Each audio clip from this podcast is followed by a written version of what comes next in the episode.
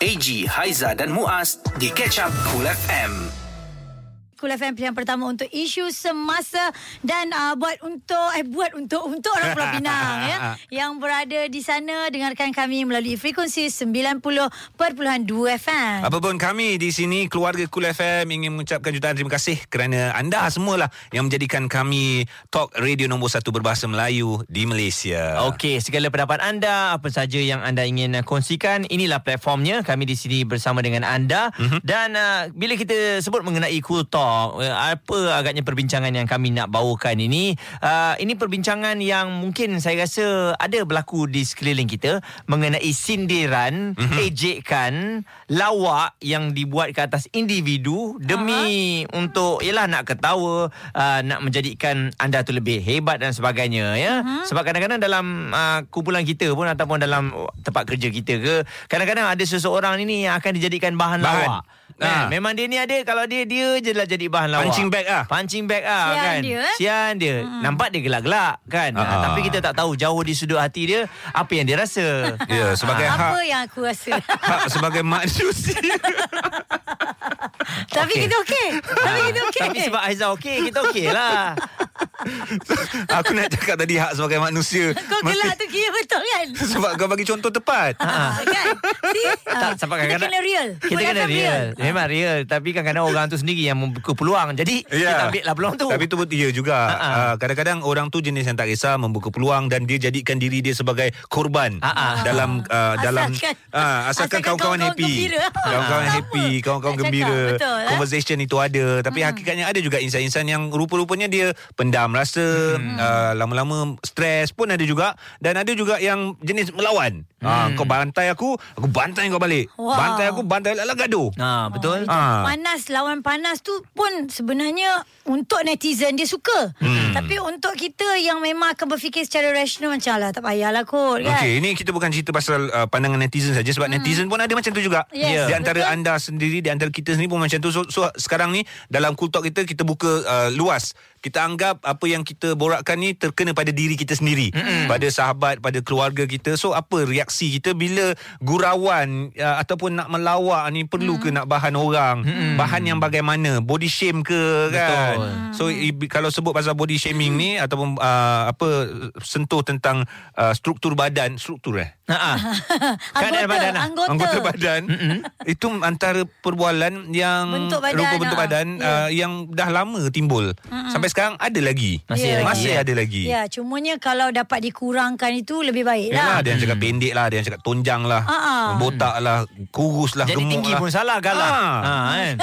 Betul. Tapi ada juga ses, uh, sesetengah situasi yang kita lalui bila disentuh pak-pak macam tu, kawan yang disentuh tu tak menjadi masalah tapi orang yang menonton. Contoh Ah. kalau di TV, yang menonton ni sakit hati tapi orang yang dicuit oleh uh, pengacara itu tak jadi hal. Betul lah tak tu. ada apa lah. Ah, ah. Dia backup lah backup. Sebab pandangan orang ni berbeza. Sensitiviti orang juga berbeza. Kadang-kadang eh, kalau ada di antara anda yang mungkin kalau lepak ni perasan atau tidak lah. Bila kita lepak dengan kawan-kawan kita kan, kita akan uh, tak perasan ada seseorang yang akan dijadikan bahan sebagai borak kita.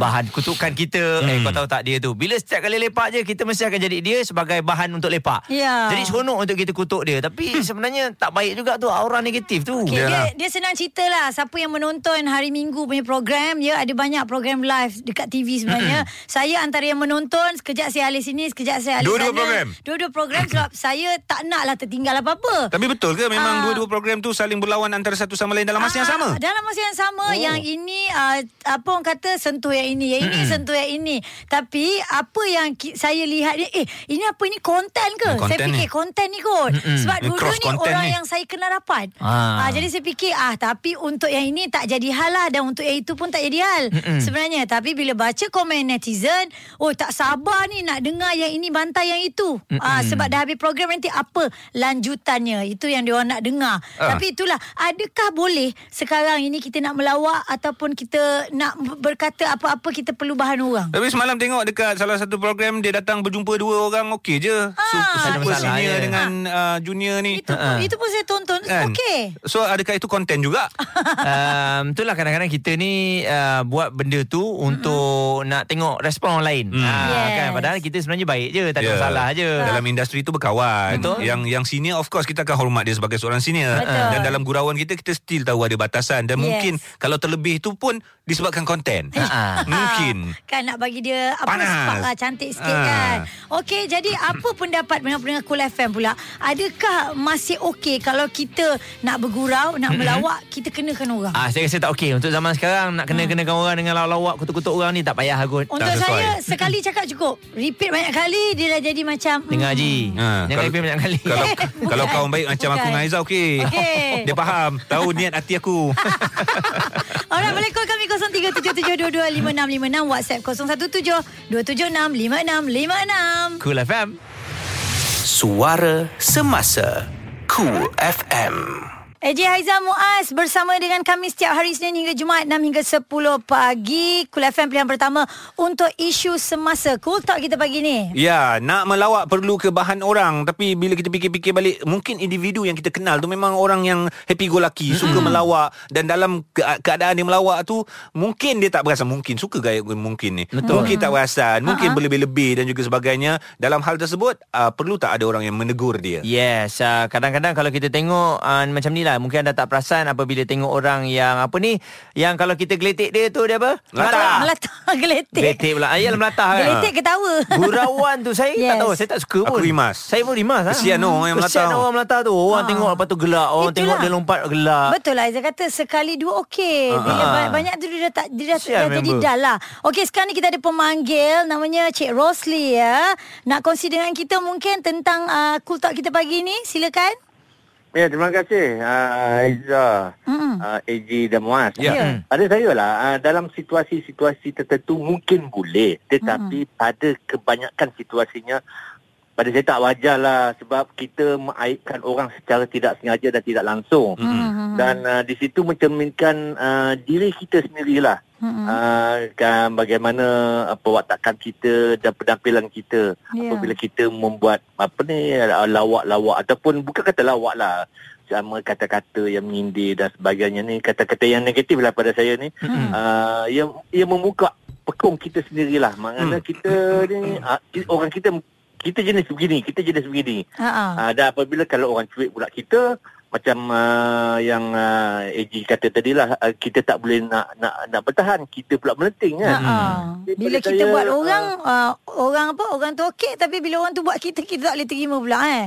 Betul betul. Mm-hmm. Dalam media sekarang ni ianya seperti satu orang kata apa kebiasaan, satu Mm-mm. norm baru. Ha ah. Kan pada saya uh, pihak-pihak berwajib pun kena ada kawalan lah. Maknanya kalau kata media, media Wah. kena ni management ataupun pengurusan media kena ada buat kawalan tentang hal-hal yang begini. Alright. Sebab Mm. uh, ini kalau kita lihat dari segi uh, dia antara dia antara si A dengan si A. Contoh Muaz dengan AG kan. Ha. Ya. Tetapi apabila melihat melibatkan uh, pembesar-pembesar negara, Hmm. contoh ya, Mm-mm. uh, ada juga gurauan-gurawan uh, yang melibatkan uh, apa pemimpin-pemimpin negara. Contoh semalam saya tengok satu uh, telemovie uh, The Queen Mhm. cerita tentang uh, salah silah dari cerita tentang apa ni kehidupan Queen Elizabeth. Alright. Mm-mm. Uh, di mana Winston Churchill telah pergi menonton teater dan dimalukan di dalam dewan teater itu sendiri. Baik. Jadi pada saya uh, walaupun itu hanya cerita tetapi adalah cerita berdasarkan kisah benar. Ha. Ya. Tapi benda itu berlaku lah. Mm-mm, tapi kalau di luar Cik Rosli kita lihat benda tu memang terlalu bebas kan Mm-mm. uh, untuk Betul. dia menyentuh kepribadian uh, orang yang ternama kan. Betul. Dalam Hmm. hal begini saya kata saya pada saya ia berbalik kepada adab, Mm. Mm-mm. adat, adab dan budaya lah. Ya. Uh, dan tahap pendidikan kita. Ini ini mencerminkan tahap pendidikan kita secara tak langsung. Mm-mm. Uh, mungkin orang setuju ataupun ada yang tidak setuju lah. Tapi pada saya apabila kita buat begini maknanya uh, itu mencerminkan kita lah yang Betul. sebenarnya. Oh Hmm. Sebab tu orang oh sebab sebab tu dia buat begitu. Oh dia uh, dia dia setakat ini dia dia punya pembelajaran dia dia Hmm. ah, Orang orang dah Ah. boleh judge Jangan kita marah jadi pula lah bila orang Betul. orang cakap macam tu kan. Kita faham lah. Betul, betul, betul. Mm, baik. Jadi pada Mm. saya, nasihat saya kepada karyawan seni lah eh. Tak kira lah bidang apa sekalipun. Melawak boleh, bergurau boleh tetapi jangan memperbodohkan orang lain dalam dalam masa yang sama. Mm-mm. Itu je. Faham? Kan? Betul. Kalau kita, kita kalau kita tengok eh, kalau pelawak antara pelawak sekarang dengan pelawak dulu eh. Mm-mm. Kalau zaman-zaman A.R. Badur, Ajak-Far, uh, Param dan sebagainya kan. Lawak dia orang walaupun Ali Mamak. lawak dia orang simple tetapi Ya. educated. Ya. Ya, paling tak pun dia nak menghentam dia hentam diri sendiri. Mm-mm. Betul. Ya. Contoh contoh yang sekarang eh ini bukan kata ni uh, contoh saya ambil macam Abun dengan uh, Abius. Alright. Mm-mm. Kalau dia orang ber, uh, berpasangan kan. Ha. Lawak dia orang educated. Yes. Dia tak ada mengatakan A ataupun B dia hanya mengatakan situasi semasa Betul. dan dia mengatakan diri dia. Ya. Tetapi ini dalam gurauan lah. Ya. Tapi yang setengah sekarang ni uh, kadang-kadang saya minta maaf lah kadang-kadang saya naik menyampah saya tak tengok TV. Hmm. Faham, faham. Itulah Ah. sikap dia kan. Faham. Betul. Baik. Ha, ha. Baik. Okey, Cik Terima kasih, Rosli. Cik Rosli. Terima kasih. Baik, baik, baik. Baik. Cik Rosli orang yang baik, ah kita kena puji. Ya betul. Ha, Satu kan? pandangan yang bernas sebenarnya uh, menyeluruh juga pandangan Cik Rosli dan saya percaya ramai yang memberikan pandangan ada idea dan juga ada uh, persepsi anda sendiri mengenai lawak melawak ni di antara kita dan juga sahabat kita antara individu dengan individu lain. Ya, ya, ya. Boleh Ha. WhatsApp 0172765656. Okey, call kami juga 0377225656. Eh, kita kena dapatkanlah Diva A. Tak boleh lah macam ni. Azwan Ali mungkin hmm. boleh memberikan respon mengenai Wow. isu kita ni. Orang yang tepat tu. Terus layan Cool FM. Suara Semasa Cool FM. Sentiasa menemani anda tentunya Cool FM pilihan pertama untuk isu semasa orang Lembah Kelang ya 101.3 FM dan kalau tak ada frekuensi kami mm-hmm. boleh layan kami juga di My TV saluran 722. Okey, saya rasa dalam kita nak melawak ataupun nak mengejek orang lain, nak menjatuhkan orang lain demi kegembiraan kita ataupun nak buat kelakar ni, eh, ianya mengikut waktu dan juga usia juga kot. Mungkin dianya dalam pembelajaran kehidupan. Ah, waktu kita muda kita tak fikir pasal orang lain. Hmm. Tapi Betul. lama kelamaan kita meningkat dewasa baru kita sedar bahawa sensitivity tu kena jaga. Hmm. Tak boleh nak guris hati orang suka-suka hati nak panggil orang tu besar lah. Ya. Oh ni kecil lah. Mungkin juga sebab usia kot Ji eh. Kadang-kadang yeah. usia orang yang menonton tu dia padahal tak tak ada kena mengena dengan dia pun. Mm-mm. Dia terasa. Iyalah. Ah. Betul lah kalau faktor usia pun aku rasa setuju jugalah sebab waktu muda kan kita tak fikir banyak. Ya, betul. Darah muda lah orang kata main langgar je bila dah berusia ha, dah melalui pelbagai situasi dan juga pengalaman so kita dah tahu yang mana baik yang mana buruk. Okey, jadi macam Muaz kata tadi nak dapatkan uh, Azwan Ali kan. Uh, kalau seru memang adalah nama dia. Azwan Ali, Azwan Ali, Azwan Ali. Assalamualaikum. Assalamualaikum. Waalaikumsalam. Lagu, lagu tu jangan diteruskan ya. Aku ada ingat juga kan, si Diva yang berangan ni kan Yang penting Diva Aizah Diva AG Diva Muaz Yang ku rindui apa khabar Khabar baik, baik. Alhamdulillah. Sihat Ah. banyak bang. Terima kasih. Apa pun tahniah juga diucapkan kepada abang uh, dengar cerita berapa Ya. ber, berpuluh 20 tahun uh, kembali menjadi pengacara di kaca TV Ya. yang dirindui. Sirih pulang ke Itu gagang ni. semua kan You all itu semua kerja TV3 Walaupun aku ni dah meleput katanya Tiba dapat balik job Kau rasa Reput. Tapi itulah eh, rata-rata komen daripada uh, apa pemerhati Hmm. dalam industri lah, peminat-peminat Ya. khususnya Hmm. mereka menerima kehadiran Azwan Ali ni di uh, layar uh, TV, di kaca TV dengan Lagu cinta kita Yes, dua, ya. betul. Dengan main-main dia menerima dengan begitu positif. Yeah. Ah, ah. Tapi Uh, Mungkin ni lah sebenarnya uh, trending kalau setakat satu dua jam atau sehari itu itu common ya. Ayo. Tapi memanglah uh, apa ni Azlan Ali tu terperanjat beruk gitu sebab dia trending selama dua minggu sampai law ni. Yalah. Hebat. Job back to back Ini dahsyat, sebab eh? katanya penampilan Azwar Ali ni memeranjatkan ramai orang dengan pakai coatnya. Macho, memang macam dengan divo. kemasnya. Yelah. Dia dia macam ni sebabnya kita bukan kisah bukan tak appreciate pujian tu you all. Mm-mm. Tapi sebenarnya kita macam kita rasa macam uh, mimpi ya macam speechless sebab uh, puji-pujian tu uh, sampai ke tahap paling maksima. Hmm. Bukan hanya dari rakan-rakan api macam Aizah ramai lah yang uh, memberikan komen-komen Nat Zainal contoh wherever they are tetapi juga mendapat pujian wartawan netizen. Jadi memang terima kasih banyak-banyak sebab kombinasi uh, AA dan KLPP ya bukan PKPB Kak Lina Pompong. tampaknya menjadi. Ya, Okey, ya. Ab-. Abang Wan, saya terpanggil lah sebenarnya bila melihat Azwan Ali berada kembali di kaca TV. Abang as a my senior lah dalam Super bidang ah, dalam bidang pengacaraan ini. Okey, kita nak tahu perbezaan zaman uh, ketika awal pembabitan Azwan Ali dalam bidang pengacaraan dan juga sekarang ni Yes. tiba-tiba dengan satu uh, apa uh, apa keadaan yang baru bila ada berlawan-lawan menghentam-hentam saya rasa dulu berlaku tak bang kes-kes ataupun isu-isu begini Ah, macam inilah AJ Sebab uh, dulu memang uh, antara acara besar di kaca TV hanyalah juara lagu ya. Hmm. Dia bukan anugerah juara lagu, dulu dipanggil juara lagu. Hmm. Dia macam satu satu majlis yang macam jatuh daripada langit macam tu. Hmm. Majlis gah. Mungkin tak Ha. Ah, gah sekali dan dia mungkin tak ada pesaing. Tapi sekarang siapa sangka lagu Cinta Kita Dua tiba-tiba bersaing dengan program tu, bersaing dengan program ni. Hmm. Jadi kita pun sebenarnya uh, tengah menunggu apakah reaksi penonton uh, tentang persaingan yang sama-sama hebat ni. Hmm. Uh, tiba masa yang penting lagu Cinta Kita Dua menang. Kan kata apa? Ha. Trending 24 Trending. jam kan? Dua minggu. Ha. Okey. Dua minggu Ya itu itu hakikatnya Dan kalau berbalik soalan lagi Perbezaan uh, Memang banyak perbezaan Sebab dulu Orang tengok juara lagu uh, Nak komen pun Nak komen kat mana kan? Betul juga. Betul lah tak ada media sosial. Yang ni dia tengok je Tam ujung jari je Ya. ah, Dia lah macam hebat sangat Macam dia lah penerbit Macam dia lah pengacara Betul. Ah, Kalau mengomen ni Masing-masing bukan main lagi ah, Itu je bezanya Ah, okey, Kan? Abang Wan. Ah. Sebenarnya kami Ya. tertanya-tanya juga, adakah Abang Wan sendiri uh, terfikir kehadiran Abang Wan kembali dalam industri ini uh, feedback daripada uh, apa ni peminat-peminat ke atau yang bukan peminat setia pun sebenarnya Iyalah. bagaimana abang Nak rasa? tengok. Ah, ah. Yes. See my level. See my level world class ya. Aiza Muaz dan Eci. Ya. Bukan apa. Ha, ha. Sebenarnya uh, uh, prinsip hidup AA itu memang menghargai setiap uh, penghargaan daripada peminat tu. Kononnya kan. Hmm. Daripada dulu. Kau bayangkan zaman sampaikan dulu aku boleh membalas setiap postcard. Yes. Mampu beribu-ribu lemon dapat kan. Hmm. So now bila back into TV world ni tentu saya mempunyai sifat yang sama.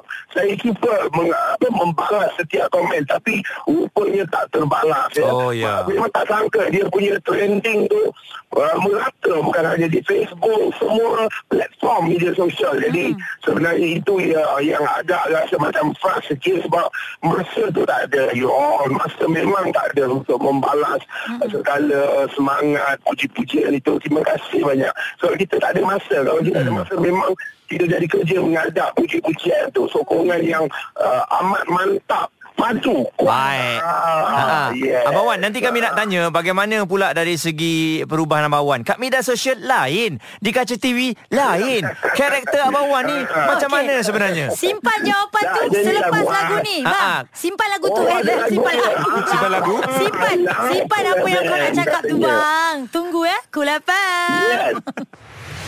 Suara Semasa Cool FM Cool FM pilihan pertama untuk isu semasa Orang Kuching 104.3 FM Dengarkan kami 24 jam sehari Jom kita sambung lagi Cool Talk kita pagi Ya, ni kita masih lagi bersama dengan Diva Azwan Haji Ali. Uh, cool Talk kita nak melawak perlu bahan orang mm-hmm. ataupun tidak dan Mm. uh, viral isu mengenai Azwan Ali. Azwan Ali ada bersama dengan kita. Betul. Seorang pengacara yang cukup berpengalaman dalam Mm-hmm. industri di dalam negara kita Malaysia ni. Baik, Bawan. Tadi uh, kita tanya mengenai uh, perbezaan di media sosial dan juga di TV ni. Semua orang risau apabila kalau keluarlah kat lagu cinta kita, Azwan Ali bawa dia punya perwatakan macam kat media sosial.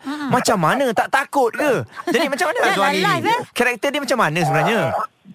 Ya, semua sini uh, uh, uh, apa ni uh, typical ya.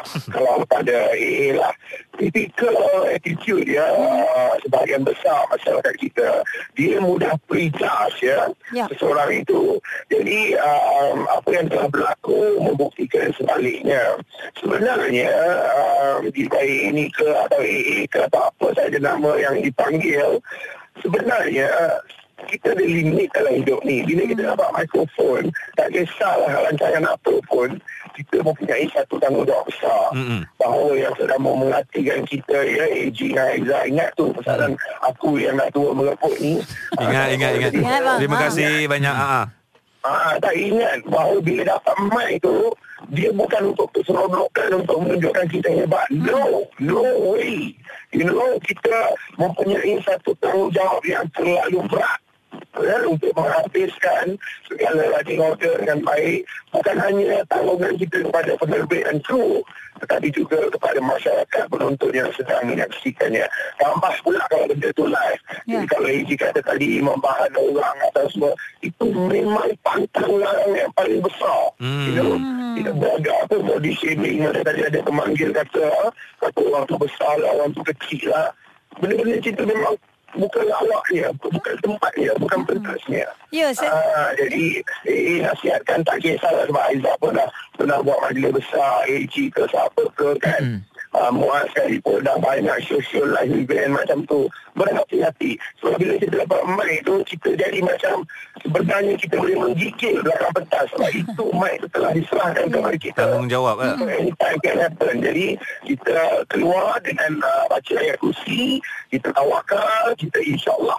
Kalau pun kita nak melawak, there's a limit of it. Ah, you know, kita sedar. Terbaik. Apa yang kita refer, you know, uh, sama ada uh, personality-personality tu ada dalam set tertentu itu, maupun yang sedang menonton. Ah, jadi eh, memang amalkan itu.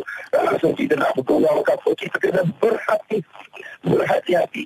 InsyaAllah kita akan selamat. Kita nak ucapkan tahniah sekali lagi pada Abang Wan yang dah pun kembali dalam industri. Kita harap Abang Wan terus maintain. Ya. ya ah, kerana bo- boleh juga menghasilkan produk-produk yang hebat sebab beliau juga adalah seorang producer ya. Ya, jangan Alright. segan, jangan malu, jangan sombong untuk belajar dengan orang lama. Betul. Terima Thank you, kasih, Abang. Assalamualaikum. I love you. I too. Bye. Love you too. Baik, hari ni kita dah keluarkan karakter yang sebenar Sebab tu ramai orang kata kalau orang tak kenal dia Ramai yang marah kenapa dia Ah, macam tu Tapi dengar apa jawapan dia. Tengok Ah. jawapan dia Jawab- Abang bila dia, bijak. dia bila dia uh, social media lain itu adalah peribadi tapi bila tanggungjawab diberi mikrofon ah dia kena bawa dengan sebe- sewajarnya. Kadang-kadang saya tak tahulah Untuk jadi uh, Apa Ramai follower di media sosial ni Apa yang anda mahukan Mm-mm. Kalau kita jadi orang yang baik Kita tak letak benda-benda yang kontroversi Anda Tak tak, nak follow pun Anda tak nak komen Kenapa lagi pun macam tu, eh? Tapi bila kita jadi karakter yang berbeza Anda nak komen Anda Ya. nak kutuk Anda teruja Anda, nak share Nak jadi sebahagian daripada netizen kat situ Jadi tengok juga. macam mana Mestilah pilihannya kepada yang macam tu Ya. Kontroversi Sebab itu ramai orang komen Ya. Dan kerana itulah ramai uh, apa permintaan yang tinggi. Uh, bila permintaan ada, adalah bendanya. Betul Sebab sebagai pengguna media sosial, kita pun perhati juga orang nak tengok aku macam mana. Oh, viewers bila kita buat konten macam ni, okey. Bila ni tak okey. Okey. Terlepas Cool FM bersama AG, Haiza dan Muaz, dengar semula di Catch Up Cool. Layari coolfm.com.my atau app Cool FM, Spotify serta Apple Podcast.